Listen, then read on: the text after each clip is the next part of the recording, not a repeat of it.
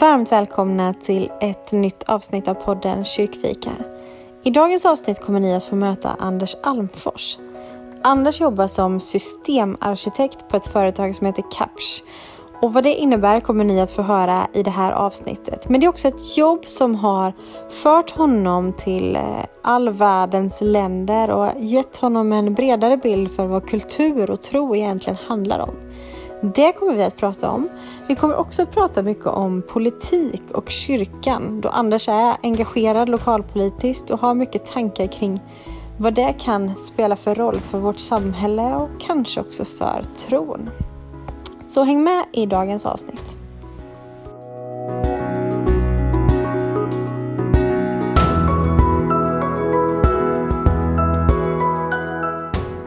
Varmt välkommen säger jag till Anders Almfors.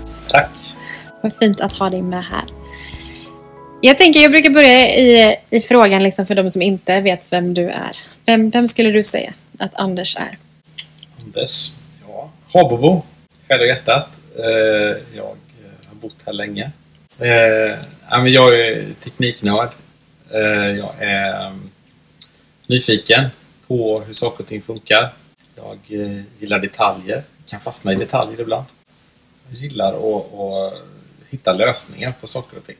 Också det du gör i ditt jobb? Det är väldigt mycket det jag gör i mitt jobb. Mm, som är? Jag är systemarkitekt på, inom, inom ja, elektronikindustri och jobbar mm. med vägavgiftssystem runt om i världen. Och, ja, så det är väldigt spännande. Det är ditt fel att man betalar vägtullar? Med ja, vägtullar är ju liksom lite kanske fel, fel benämning, det är ju vägavgifter för de vägar som är byggda. Just det. Och det har varit lite spännande. Jag har varit, många har ju precis den, den inställning som du säger. Bara, det är ju ditt fel att man får betala den straff, straffavgiften. Och jag vet när, när, eh, när vi, var med och gjorde ett projekt i, i Sydafrika runt Johannesburg eh, för ett antal år sedan. Då var ju faktiskt det, då insåg man att men det här är ett projekt som förändrar vardagen för väldigt många människor. Där våra system är en del utav möjliggöraren för att de att få pengar. Eh, sen så är det inte säkert att alla delar den uppfattningen riktigt så. Men, men, men, eh, men det, är ändå, det var ändå det som gjorde att, att man kunde låna väldigt mycket pengar då. Bygga den här motorvägen, en stor ringled runt Johannesburg, Pretoria. Eh, och då inser man liksom att även om man är en liten del i en kugge så, så är det ju ändå någonting då som förändrar vardagen för många människor. Mm, precis. Ja, spännande. Det, det är aspekter som man kanske inte riktigt tänker på. Men det är bra att du kan få bredda mitt perspektiv lite ja, grann från de där avgifterna. A6 där, att det här är ett system som... För där har vi en liten teststation ju. Just det, det är där det lyser. Ja, när man kör under. Mm. Ja, men det är ju, det är ju faktiskt system, tekniklösning som förändrar vardagen. Hur hamnar du i det? Jag tänker att det är inte det man sitter och drömmer om som pojke kanske, att jag ska sitta med vägavgiftslösningar. Nej. Nej. men det var under min eh, högskoletid mm. som jag landade, hamnade där på ett projektarbete. Så jag har varit väldigt länge på Capsch. Eh, ja, 22 år. Eh, och eh, varit jättespännande. Har ju tagit mig ut i världen på alla handa upptåg och spännande möten med människor. Det har varit roliga år om man säger så. Och format mycket en del utav eh, både mig själv och, och, familjen. Ja, men för du har ju rest ganska mycket ja, i din tjänst. Jag har rest jättemycket och, och jag har eh, haft jättemycket spännande möten med, med människor. Jag har ju rest mycket i Sydostasien, mm. eh, Afrika, Sydamerika lite grann, Chile.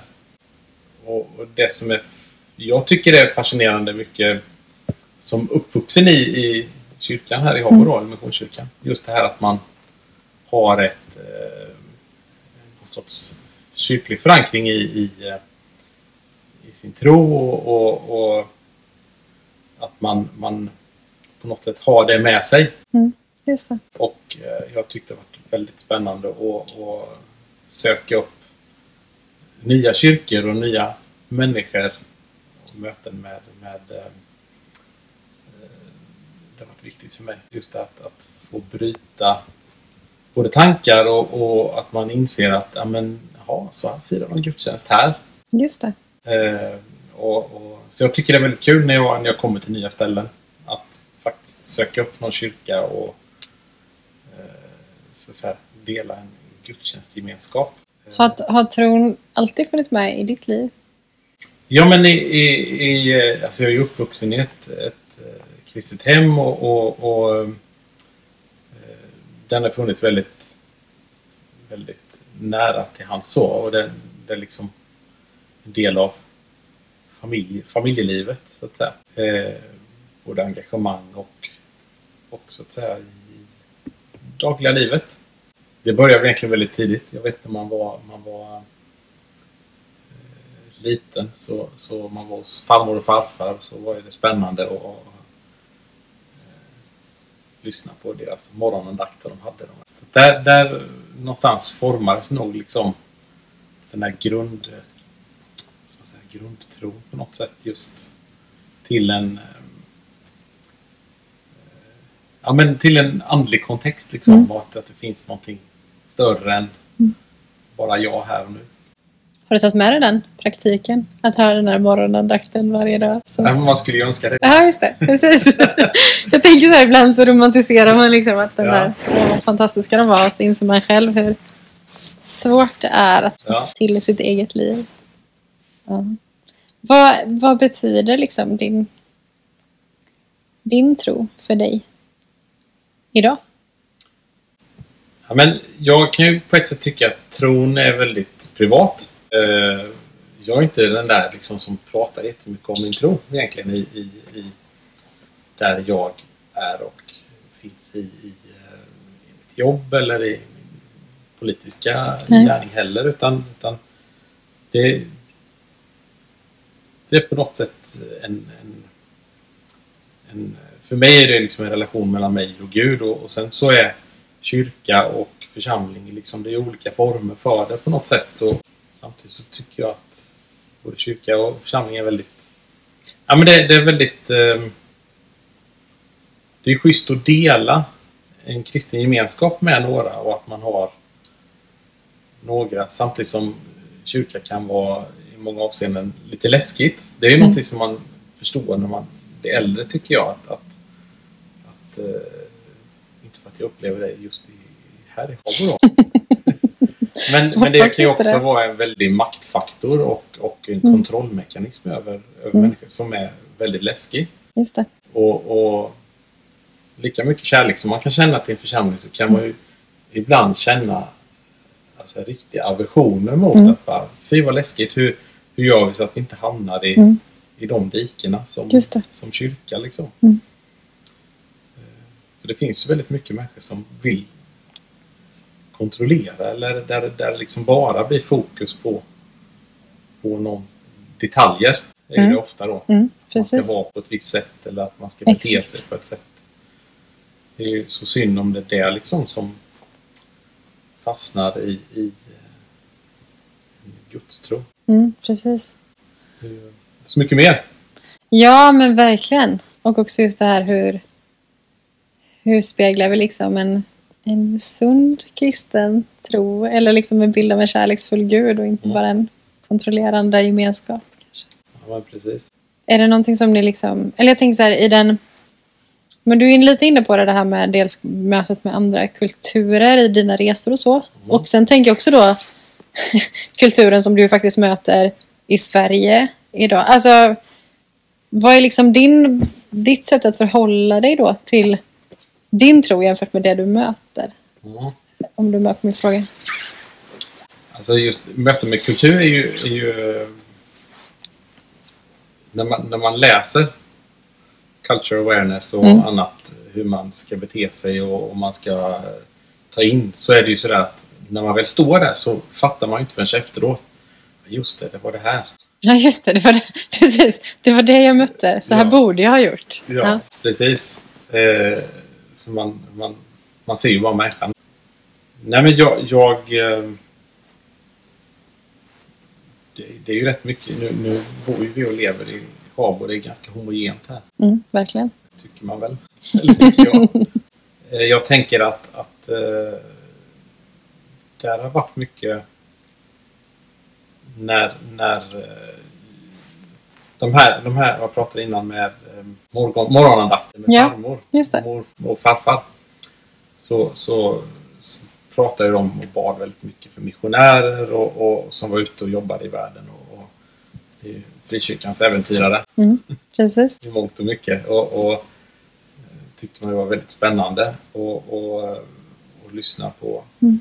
berättelser och vad som hände och sådär. Och, och, eh, så jag, någonstans bar jag ju med mig det där att ja, men, man ska uppleva och se och, och så att säga ja, men, arbeta på, på missionsfält på något sätt. Och eh, jag hade ju möjligheten 96 när jag var ute då som, som stipendiat. Mm, Så var jag i Pakistan.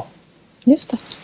Eh, och och eh, det var ju väldigt Hur länge var du där? sex månader. Det var intressant många aspekter.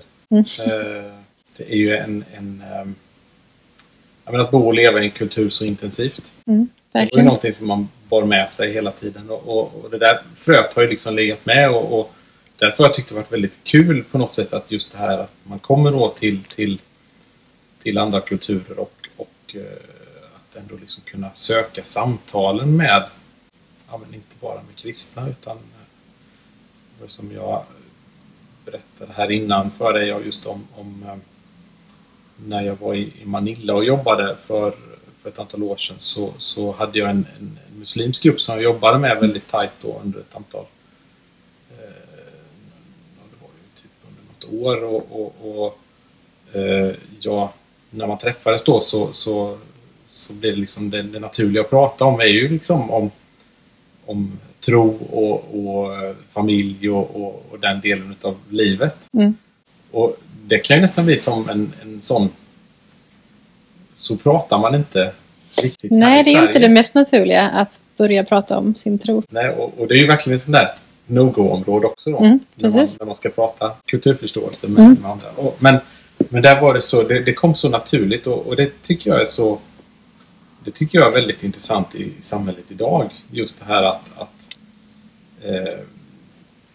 ja, vi har en, en stor grupp människor Mm. i Sverige där det här är en naturlig del av. Men som samhälle så har vi lite svårt att förhålla oss till troende människor av Ja, alla precis. slag. Japp, verkligen. Eh, Finns det... Och det finns många frågor på det här. Finns det... Jag tänker också att du är politiskt engagerad. Ja. Finns det någonting i det här? Liksom, så, alltså, hur mycket liksom spelar din... Du vet det här längtan efter, både kanske ur ett trosperspektiv men också det här att få vara med och påverka hur vi förstår varandra och hur samhället förändras. Hur mycket påverkar det liksom ditt politiska engagemang? Men anledningen till varför jag engagerade mig politiskt 2014-15 var ju kopplat till, till eh, mycket av eh, ja, den, den främlingsfientliga våg som Mm. var liksom i samhället. Att jag kände att ja, men jag vill engagera mig någonstans och då Mm. Man på något sätt hoppat på tåget där det passar Ja, en, precis. en bäst. Exakt. och det som stämmer bäst överens med ens egen övertygelse. Ehm, och där har, ju, har man ju också då, man inser att det är väldigt svårt att förändra. Mm. Men det är också viktigt att det kanske är ganska trögt maskineri. Men Mm. det är också, man är ju inte ensam.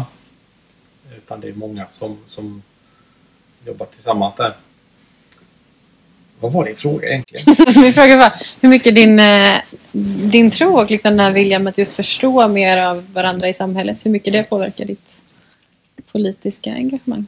Jag tycker det är jättespännande eh, att vara med och, och dels eh, se hur det funkar och, och att vara en del utav av det maskineriet. För det, ibland så kan det kännas så. Mm. Även om jag nu sitter på en, en hyfsat bra position som ordförande då, så, så, så är man ändå en, en del av en Större System, apparat. ja. Mm, precis.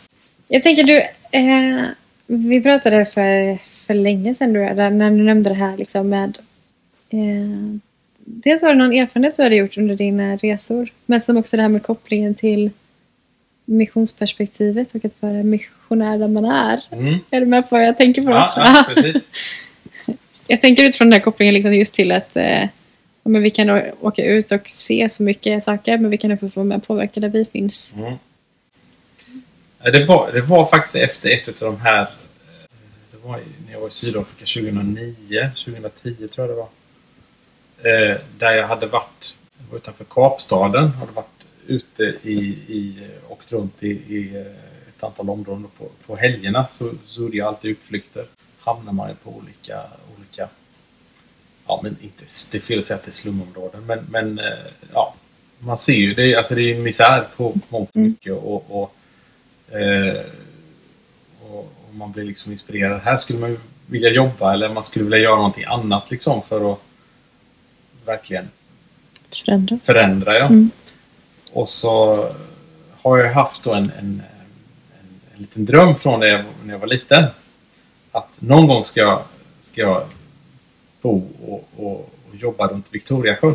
Men, men och så kom jag hem från den där resan och så kom jag och åkte ner Sjugarpsleden ner på området där jag bor och, och så bara insåg jag liksom att ja, men jag bor ju redan här.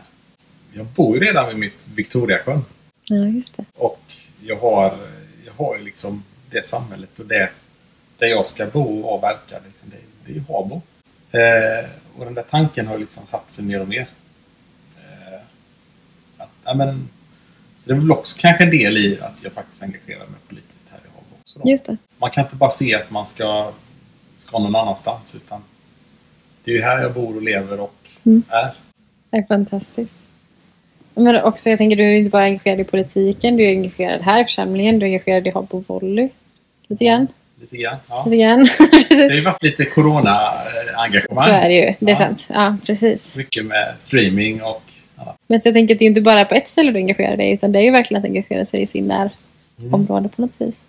Hur mycket av liksom det här, av dina... Eller för du har ju rest mycket och varit i många sammanhang liksom. Och vi pratar ju om det att vi har så olika referensramar till vad man liksom relaterar till. Att du ser det som så självklart att åka till Sydafrika och Manila. Och, eh, hur mycket av det liksom tar du med dig hem? Eller är det liksom det här är jo- jobb och det var det som hände då? Och hur mycket bär du med dig liksom hem och i din vardag? Försöka... Är du med på min fråga? Nej men alltså kult- möten i, med andra kulturer, det bär man alltid med sig på något sätt. Mm. Sen är det lite som vi sa innan här att, att man... eh, Det är inte alltid att man kommer ihåg att man ska bete sig eller göra vissa saker när man Mm. träffar eller stöter på eh, säga, kulturyttringar av olika slag. Utan det blir ofta det där, "Ja, just det, det var det här ja. De här mekanismerna eller det är de här som styr de här människorna. Och det, då blir det så självklart. Mm. Eh, och där har vi ju jättemycket tror jag. Att faktiskt eh, fundera på eh, alltså saker och ting som händer. Även i vårt lilla samhälle liksom. Mm. När vi får in nya eh, medborgare. Det påverkar liksom helheten. Det är Verkligen. det ju. Och, och har man en, en positiv inställning till att, att det här blir bra, ja, men då, då försöker man ju lösa om man har en vilja och en, ett engagemang att, att det blir bra så är det mycket lättare att, att det blir det än att, än att bara vara negativ till, ja, till det. verkligen. Du är ju som sagt engagerad lokalpolitiskt. Eh, sitter i barn och utbildningsnämnden, engagerad i partipolitik eh, och också engagerad i församlingen här. Vad, vad ser du liksom för, för kopplingar eller för synergieffekter liksom i, i kyrkapolitiken, det engagemanget? Vad kan vi lära oss av varandra? Ja, alltså jag tror det finns jättemycket. Eh, vad jag tycker har varit frustrerande inom politiken det har varit mycket det här att, att det blir väldigt, det det är låsningar men, men man företräder ett parti och man företräder en åsikt. Eh, och så håller man fast vid den och, och, och så är det så sen. Och, och eh, det kanske inte alltid finns det liksom samtalet som för en fråga framåt. Mm, det, Och det har vi mycket mer tradition av i, i kyrkan. verkligen. Eh, där man försöker nå någon sorts konsensus eller att man hittar en, en, en, en gemensam väg framåt. Mm. Eh, och jag tror mycket att det kan vara att, att de former vi har för politiken medger inte riktigt det utan där har man eh, det är liksom det är nämnder och det är beslut och det är fullmäktige och då, då är liksom fokus att man ska fatta beslut. Mm. Och, och då fattar man beslut och det kanske vi skulle behöva kyrkan också ibland. Våga Lite fatta mer lite beslut ja. nu ja. fattar vi beslut Japp. och inte Inte fortsätta bara prata. Eh, samtidigt så är det ju, ja. Där, där tror jag att, att eh, jag tror att man skulle kunna eh, faktiskt plocka med sig och, och ta med sig Mm. idéer både in i den politiska världen och in i, I kyrkan, in i kyrkan också. Men, men just, eh, för det är, det är någonting jag tycker jag saknat, liksom de här samtalen liksom. Mm, eh, för att hitta de bra lösningarna. Mm. Eh, Ja, men, och det ligger verkligen mycket i det. För jag tänker att i kyrkan så, så är det ju ganska ofta, kanske inte minst den här församlingen, som vi har ganska starka åsikter åt två helt olika håll. Mm. Men där målet ändå är någonstans, hur kan vi mötas i det? Och det kanske är då kontrasten mot just partipolitik, att inte hålla fast vid sin åsikt alltid, utan hur kan vi hitta en gemensam... En gemensam bra lösning. Mm. Sen så hittar vi liksom lösningar och, och, och någonstans så är, inom partipolitik så är det väl så att ja, man slåss för sin linje och sen så så har man förlorat eller så har man vunnit och så går man vidare och så Ja, just det, precis. eh, hänger man inte så mycket läpp vid det. Nej. Vilket man Men- kanske kan göra i kyrkan. Ja, ja, ja men just det, just det här när man... ehm, Och det, ibland är det ju bra också att det finns lite, alltså, lite isärdraget polariserade åsikter också. Så att det inte bara blir en gemensam massa och alla tycker samma. Men, men eh, det är ändå viktigt att, att det finns forum där man kan föra samtalen. Mm. För det är ju, de flesta partier har ju faktiskt bra saker och tankar och idéer. Mm. Och, och det är när man bryter tankar och idéer som det faktiskt kan växa Mm. till någonting jättebra. Verkligen. Om du eh, får liksom blicka framåt. Vart önskar du liksom att vi skulle vara? Alltså jag tänker både som samhälle och som kyrka också kanske på ett sätt. Alltså det här... Ja men vad är liksom din drömbild? Ja, men jag gillar ju tanken med att kyrkan, församlingen ska vara en öppen eh, mötesplats. Mm. Eh, Mötesplats för människor i olika generationer. För där har vi, det är lite unikt för kyrkan tror Mm, jag. Det är verkligen. väldigt mycket så att, att man är inlåst i, i åldersfack annars. Men det är, det är väldigt åldersöverskridande så att säga. Och där tror jag att vi, vi, eh, det är lite spännande vad, vad händer när vi kommer ut ur Corona på något sätt. Vad, vad kan vi, kan vi vad, vad, kan vi hitta nya roller som församling där? Eh, arbetssituationer förändras. Mm. Fler sitter hemma. Mm. Kan kyrka vara en mötesplats för hemmasittande arbetstagare? Kunna gå och käka lunch med någon eller förmiddagsfika eller eh, skulle man kunna ha arbetsplatser i kyrkan? Jättespännande tanke. Ja. Mm. Ja, men det skulle kunna vara mötesplats på, på lite olika sätt.